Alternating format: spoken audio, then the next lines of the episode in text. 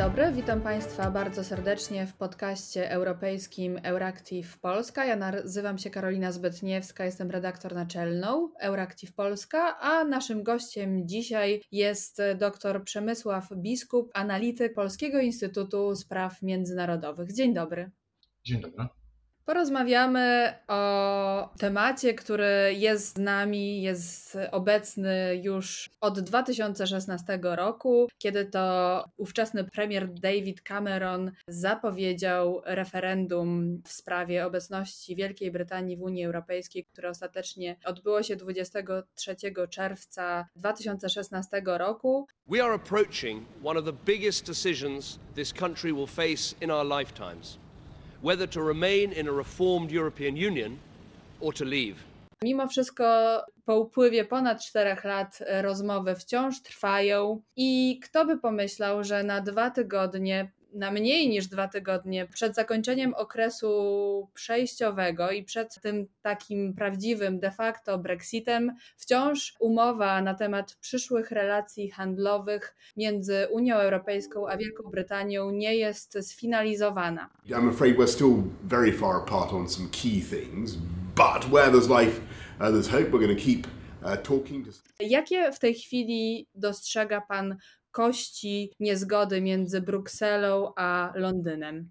To jest ciekawa kwestia, dlatego że w sumie można powiedzieć, ono niemal od początku negocjacji są dokładnie w tym samym miejscu. To są trzy pola. Szeroko rozumiana polityka konkurencji, e, tak zwane zagadnienie governance, czyli można po prostu powiedzieć e, przepisów dotyczących sposobów wdrażania i rozstrzygania sporów e, tego traktatu, który jest negocjowany oraz e, zagadnienie polityki rybołówstwa, a już można powiedzieć, że definitywnie te kwestie wybiły się na plan pierwszy od e, połowy bieżącego roku. Przypomnijmy, że mm, koniec czerwca to była data graniczna do, do ewentualnego przedłużenia rozmów i e, strona brytyjska tutaj odmówiła tego przedłużenia i od tego czasu w zasadzie rozmowy się rozbijają te trzy punkty. I co te trzy punkty oznaczają? Co oznacza, może zacznijmy, ponieważ zbliżają się święta, karp, e, zacznijmy mo może od rybołówstwa. W przypadku rybołówstwa e, e, Unia Europejska nalega, żeby kwestia polityki rybołówstwa, tak jak ona jest w ramach samej Unii Europejskiej, jest polityką strukturalną, i integralną częścią wspólnego rynku była częścią umowy handlowej. Problem tutaj polega na tym, że po pierwsze strona brytyjska traktuje kwestię regulacji dostępu do swoich łowisk jako bardzo istotny atrybut suwerenności, We will take back control of our fishing waters. We will ensure that we become a, an independent coastal state, once again having full jurisdiction over a 200 mile uh, limit of our, of, our, of our spectacular maritime wealth. A druga kwestia jest taka, że to jest zasadniczo pole gospodarczo-polityczne, które jest bardzo nieatrakcyjne dla Wielkiej Brytanii, dlatego że rybacy europejscy łowią znacznie więcej ryb na wodach brytyjskich niż y, brytyjscy na wodach europejskich i e, jednocześnie e, ryby stanowią zasób e, ograniczony, czyli jest bardzo mała szansa, że w wypadku wykluczenia z tych wód rybaków europejskich, że Europejczycy jako konsumenci przestaną kupować ryby brytyjskie, bo w zasadzie tych gatunków ryb takich jak makrela czy łos, przepraszam, czy śledzie, no nie mają możliwości większej ilości kupić gdzie indziej. I e, e, w związku z tym e, postulaty strony europejskiej to jest utrzymanie dotychczasowych zasad dostępu do, do łowisk brytyjskich, a dla strony brytyjskiej wręcz przeciwnie odzyskanie samodzielnej kontroli, dopuszczanie rybaków europejskich, ale tylko na własnych zasadach, czytaj na przykład za wykupieniem specjalnej licencji i w takim zakresie, jaki to pasuje Brytyjczykom, bo to jest w ogóle długotrwały cel, czyli wykupienie, przepraszam, zwiększenie y, wydajności i pojemności floty rybackiej brytyjskiej. To jest ciekawe, bo rybołówstwo y, odpowiada za znacznie poniżej 1% PKB zarówno Wielkiej Brytanii, jak i e, Unii Europejskiej, a jednocześnie urosło do rangi tak e, ważnej ości niezgody, tak ważnego problemu już symbolicznego, ale też politycznego. I tutaj siedem państw tak naprawdę ma interesy, jeśli chodzi o sprawy rybołówstwa, i w tym Francja. Czy to też jest jeden z wymiarów odwiecznego konfliktu, czy tam rywalizacji między Francją a Wielką Brytanią?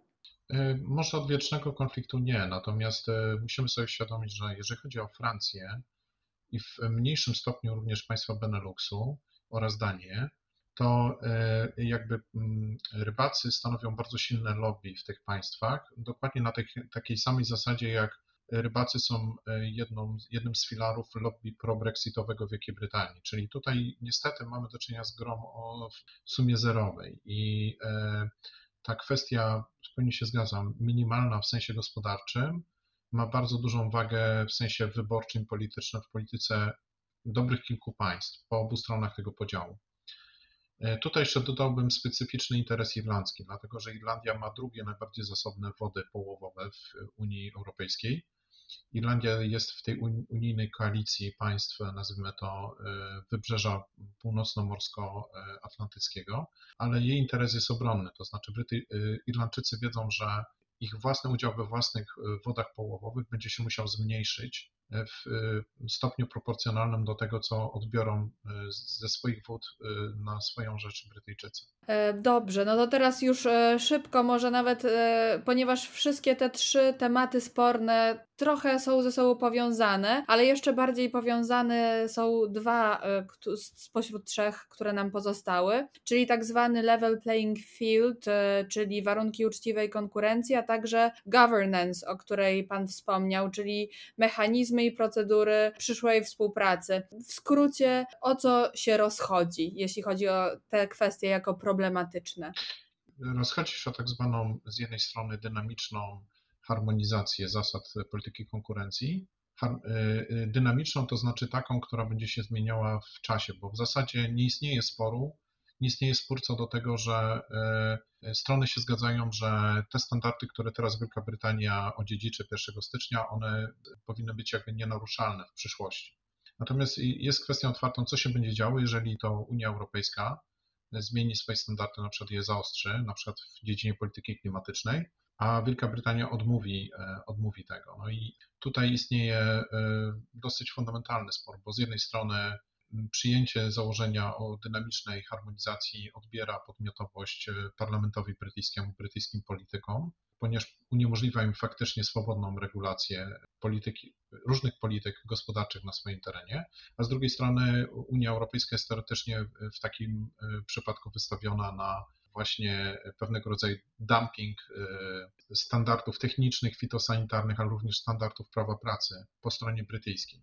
A z kolei governance jest o tyle kluczową kwestią, że im mniej będą szczegółowe, uzgodnione te standardy wspólne z zakresu level playing field, tym większą, większe znaczenie ma odpowiednio solidna i łatwa w stosowaniu procedura rozstrzygania sporów, w tym e, również e, możliwość stosowania różnego rodzaju sankcji, na przykład e, ceł wyrównawczych. I Tutaj Wielka Brytania broni po pierwsze założenia, że te mechanizmy muszą być symetryczne, to znaczy ile kompetencji uzyska Unia Europejska, tyle samo w tej dziedzinie uzyskuje strona brytyjska. Po drugie, Brytyjczycy nalegają na rolę decydującą procedur arbitrażowych, a strona europejska chce, żeby punktem odniesienia były standardy europejskie oraz rola Europejskiego Trybunału Sprawiedliwości. No i wreszcie y, istniał spór, moim zdaniem on już jest w tej chwili rozstrzygnięty na rzecz y, propozycji europejskich, czy ma istnieć jedna umowa z jednym systemem governance, czy kilka umów sektorowych i, i wydaje się, że już zwyciężyła ta, ta pierwsza opcja.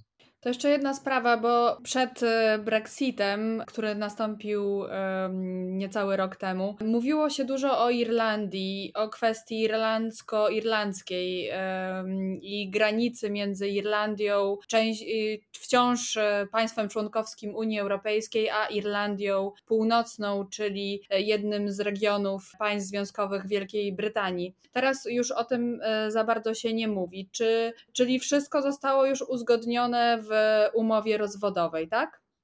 Mm, tak i nie. To znaczy, w umowie rozwodowej została ukształtowana podstawowa rzeczywistość e, prawno-proceduralna, to znaczy to, że będzie granica celna i regulacyjna na Morzu Irlandzkim, czyli między właściwą Wielką Brytanią a Irlandią Północną, ale jednocześnie przyjęto również na tym samym etapie założenie, że Irlandia Północna jest integralną częścią terytorium celnego Wielkiej Brytanii i integralną częścią rynku brytyjskiego. To w praktyce tworzy taką naprawdę unikalną w skali świata e, sytuację, że jedno terytorium jest częścią faktycznie dwóch systemów celnych i dwóch systemów regulacyjnych. I e, były bardzo duże problemy z e, przygotowaniami do praktycznego zastosowania tej zasady. Każda ze stron tutaj bardzo ciągnęła swoją stronę. E, we wrześniu to się skończyło dosyć dramatycznym kryzysem w relacjach europejsko-unijnych, dlatego że Brytyjczycy stwierdzili, że ponieważ nie są w stanie do, dogadać się z Unią Europejską, to uregulują tę sprawę jednostronnie swoją własną ustawą, która częściowo łamałaby ustalenia tej umowy o wyjściu, czyli traktatu międzynarodowego. Natomiast y, y, dobra informacja jest taka, że dosłownie kilka dni temu, w miniony wtorek, zostało ogłoszone porozumienie takie już implementacyjne, takie bardzo szczegółowe, unijno-brytyjskie, które zostało y, osiągnięte w organie, który został powołany do rozstrzygania takich sporów. To jest tak zwany wspólny komitet, czy połączony komitet, Joint Committee, którym w tej chwili kierują wice faktyczny wicepremier brytyjski Michael Gove oraz Marosz Szewczowicz, jeden z wiceprzewodniczących Komisji Europejskiej. I w związku z tym e, można zaryzykować opinię, że przynajmniej w ciągu najbliższego roku czy dobrych paru miesięcy na tej granicy nie będzie problemów. E, natomiast w dłuższym okresie zobaczymy, dlatego że część z tych ustaleń ogłoszonych we wtorek niestety ona, ona zawiera w sobie e, klauzule czasowe, czyli te, te porozumienia są zawarte na dosyć ściśle określony czas.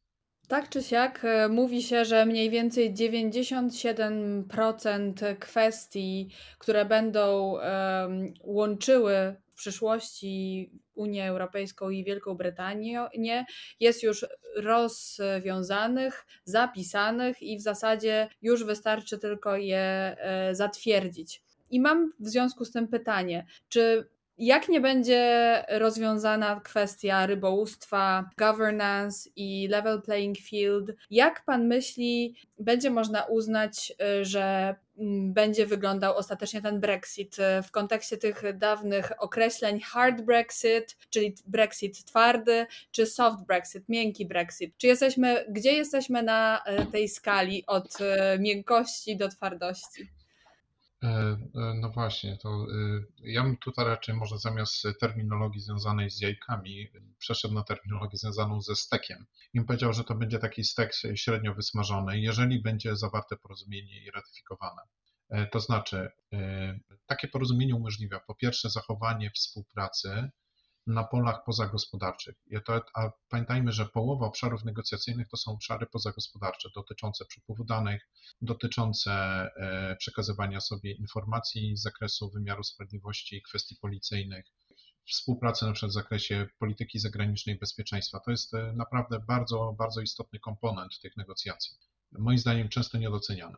Po drugie, umożliwi, e, takie porozumienie umożliwiłoby handel bez ceł i bez kwot a więc e, zasadniczo obniżyłoby w stosunku do typowych e, zasad współpracy e, Światowej Organizacji Handlu, zasadniczo obniżyłoby koszty transakcyjne.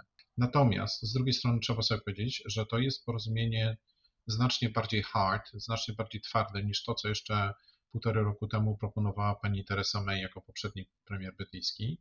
I na przykład są nieuchronne, bardzo obciążające czasowo i proceduralnie oraz częściowo finansowo E, kontrole związane z, z regulacjami, standardami, zwłaszcza sanitarnymi, fitosanitarnymi.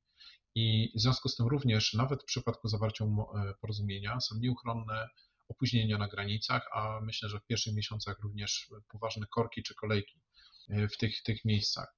I to również oznacza, że na rynku brytyjskim towary europejskie natrafią na zwiększoną konkurencję ze strony państw trzecich. E, natomiast e, w przypadku braku porozumienia, pamiętajmy, mamy tak naprawdę tylko kilkanaście dni do końca roku i tego porozumienia wciąż jeszcze nie ma. E, nawet na poziomie politycznym, już nie wspominając o procesie na przykład ratyfikacji, to, no to mamy, można powiedzieć, efekt bardzo twardego, bardzo mocno wysmażonego steku i bardzo twardego Brexitu, gdzie właśnie do tych utrudnień, o których wspomniałem, dochodzą momentalnie jeszcze kwestia ceł, dochodzi kwestia e, również taka miękka, to znaczy braku dobrej woli stron, bo zawarcie porozumienia mobilizuje dobrą wolę po obu stronach. Brak porozumienia e, może wywoływać odruchy, nazwijmy to, e, chęci ukarania drugiej strony za, za popełnione błędy. No i oczywiście w przypadku braku porozumienia kwestia rybołówstwa dramatycznie zyskuje na znaczeniu, dlatego że wtedy rybacy europejscy z dnia na dzień tracą w 100% dostęp do wód brytyjskich. Tutaj warto powiedzieć, że rząd brytyjski w ostatnich dniach e, bardzo akcentował tą kwestię, e, informował o postawieniu w stan gotowości marynarki wojennej i o chęci aktywnej obrony swoich łowisk przed kłusownikami, no bo w tym momencie rybacy europejscy mieliby status kłusowników tak, ale wydaje mi się, że oczywiście jest opcja e, no dealu, ale jest też opcja no dealu tymczasowego. Takiego, że negocjacje, jeśli będziemy już bardzo blisko umowy, mimo wszystko, dojdzie już do dnia 31 grudnia, wejdzie w życie, wejdą w życie te ustalenia na podstawie Światowej Organizacji Handlu, jednak e, będzie można jeszcze dopracować te ostateczne sprawy, które wejdą w życie, jak jak już wszystko będzie e, zrobione. Też Unia Europejska zgodziła się na takie tymczasowe obowiązywanie umowy, taką możliwość. Oczywiście Parlament Europejski tutaj nie będzie zbyt szczęśliwy, bo on tutaj nie będzie mógł nic, e, nie miał nic do powiedzenia, ale będzie chodziło o taką jakby umowę dżentelmeńską między obiema stronami o obowiązywanie tego, co obie strony ustaliły, nawet jeszcze nim do dojdzie do tej takiej najbardziej oficjalnej, ostatecznej ratyfikacji. Więc nie musi być, że no deal. E, tak, nie, z całą pewnością, bo tutaj rozmawialiśmy o jakby dwóch podstawowych wariantach. To, co pani redaktor była uprzejma scharakteryzować, to jest, powiedziałbym, podwariant e, wariantu tego, że jest umowa. Bo e, tutaj jeszcze raz chciałbym to podkreślić. Jeżeli chodzi o umowę, to jednym z kluczowych w tej chwili problemów jest sama kwestia czasu. I jeśli będziemy mieli do czynienia z, a deadline e, na zawarcie tej umowy jest e, do końca obecnego roku, czyli to jest kilkanaście dni. I teraz, jeżeli mielibyśmy taki, taką rzeczywistość polityczną, że jest zgoda na zawarcie tej umowy, że zostało zawarte porozumienie polityczne, ale już brakuje czasu na proces ratyfikacji, a on zwłaszcza po stronie europejskiej może być bardzo wydłużony, to też częściowo zależy od tego, czy to będzie umowa w zakresie kompetencji wyłącznych Unii Europejskiej, czy kompetencji mieszanych, w tym drugim e, zakresie jest wymagana również ratyfikacja na poziomie narodowym w ramach Unii Europejskiej. To oczywiście e, wtedy jest naturalna, istnieje wtedy naturalny impuls do znalezienia pewnych rozwiązań, tymczasowych rozwiązań techniczno-prawnych, żeby bardzo obniżyć dolegliwość tego efektu braku porozumienia na dzień 1 stycznia. Ale to jest moim zdaniem w sensie analityczno-politycznym, to jest po prostu taki nieco utrudniony wariant e, tego pierwszego podstawowego wariantu, to znaczy tego, że w sumie umowa jest. Natomiast e, jeżeli umowy by nie było e, w znaczeniu twardym, to znaczy strony naprawdę dochodzą do wniosku, że ta umowa w najbliższym czasie jest niemożliwa do wynegocjowania, to wtedy to będzie miało naprawdę bardzo poważne konsekwencje dla obu stron. E, nie tylko takie bezpośrednie, ale być może nawet zwłaszcza pośrednie, to znaczy związane z e, po pierwsze z e, tak zwanym blame game, czyli wzajemnym obwijaniem się za brak takiej umowy, a po drugie z pewną ceną prestiżu wizerunkową powrotu do stołu negocjacji. I moim zdaniem tego czynnika nie należy nie doceniać. Trzymając oczywiście kciuki za to, żeby negocjatorzy obu stron i politycy po obu stronach e, wypracowali to porozumienie. Może jeszcze ostatnie zdanie bym dodał, że w tej chwili problem polega również na tym, że negocjatorzy obu stron, ci techniczni negocjatorzy, w zasadzie osiągnęli szklany sufit. Żeby przebić ten szklany sufit, potrzebna jest interwencja polityczna i zmiana mandatów negocjacyjnych przez polityków. I moim zdaniem e, jest to tylko możliwe wtedy, kiedy to będzie obustronne działanie. E, to właśnie może na koniec. Co by nie mówić o tym, co się dzieje, można to określić mianem chaosu. Chaos związany z Brexitem, chaos, e, jeśli chodzi o mimo wszystko chaos, o szczepienia w związku z tym, jak rozwija się sytuacja pandemiczna. Czy przewiduje pan e, Bojoxit, w sensie, że skończy się niebawem kariera na stanowisku premiera Borisa Johnsona? Jeszcze tutaj można dodać e, szkockie referendum, e, które możliwe, że może mieć miejsce w roku 2021. Mm, To jest e, dobre pytanie. Oczywiście trudno na nie jednoznacznie w tej chwili odpowiedzieć, ale spróbuję. To znaczy, po pierwsze, ja oceniam to w ten sposób, że Johnson dostał mandat zaufania od swojej partii i częściowo również od wyborców, żeby załatwić zasadniczo dwie, dwie rzeczy. E, To znaczy y, zamknąć y, dyskusję o Brexicie na etapie wychodzenia, to już zrobił w, w styczniu. Wygrać wybory, to jest cel postawiony mu przez partię, to już również osiągnął w grudniu zeszłego roku, rok temu. I zamknąć negocjacje te obecne, to znaczy dotyczące umowy handlowej, przez zamknąć rozumiem e, jakikolwiek definitywny wynik. Również brak umowy to też jest zamknięcie. I e, Johnson się znajdzie w bardzo trudnej pozycji e, na, wi- na wiosnę 2021 roku, dlatego że po tym, jak wypełnił wszystkie podstawowe stawiane mu zadania, będzie trzeba zidentyfikować jakieś nowe zadania, now- nowe poczucie misji dla niego. Problem w tym, że Johnson niespecjalnie sobie dobrze radzi w zarządzaniu kryzysem pandemicznym i może zaistnieć w ramach partii konserwatywnej bardzo silne przekonanie, że to jest ten etap, kiedy w naturalny sposób trzeba zmienić e, premiera na kogoś, kto jest bardziej sprawny. E, Kwestia szkocka jest tu o tyle istotna, że nie dość, że to jest bardzo, mm, bardzo poważne wyzwanie dla integralności Zjednoczonego Królestwa, to w dodatku jeszcze Johnson jest bardzo niepopularny osobiście na terenie Szkocji. I believe it's time for Scotland to determine what kind of future we want and what kind of country we want to be. And I e, to też może być istotny impuls dla polityków partii konserwatywnej, żeby dokonać pewnego rodzaju przewrotu pałacowego. To się już wiele razy z, zdarzało w historii tej partii, a pewnie najbardziej znanym i jednocześnie najbardziej brutalnym przykładem takiego działania była wymuszona dymisja Margaret Thatcher w 90 roku. Tak naprawdę e, mniej więcej 20 parę, 30 miesięcy po tym, jak ona wygrała e, dla partii konserwatywnej wybory, więc tutaj na miejscu Borisa Johnsona e, no, nie czułbym się przesadnie komfortowo w obecnej sytuacji. E, Bardzo dziękuję. Na tym skończyłem. Może jeszcze na koniec e, przytoczę mniej więcej wyniki sondaży, jeśli chodzi o zwolenników e, wyjścia Szkocji z Wielkiej Brytanii. W tej chwili jest ich około 55%, zaś osoby, które chciałyby w Wielkiej Brytanii pozostać, to około 45%. Są to dokładnie odwrotne proporcje niż, niż w wyborach, w referendum dotyczącym właśnie tej samej kwestii, czyli potencjalnego wyjścia Szkocji z, e, z Wielkiej Brytanii, które odbyło się w 2014 roku. E, Na tym już e, postawimy dzisiaj kropkę. Naszym gościem, moim Państwa gościem był dr Przemysław Biskup z Polskiego Instytutu Spraw Międzynarodowych. Bardzo dziękuję. Bardzo dziękuję.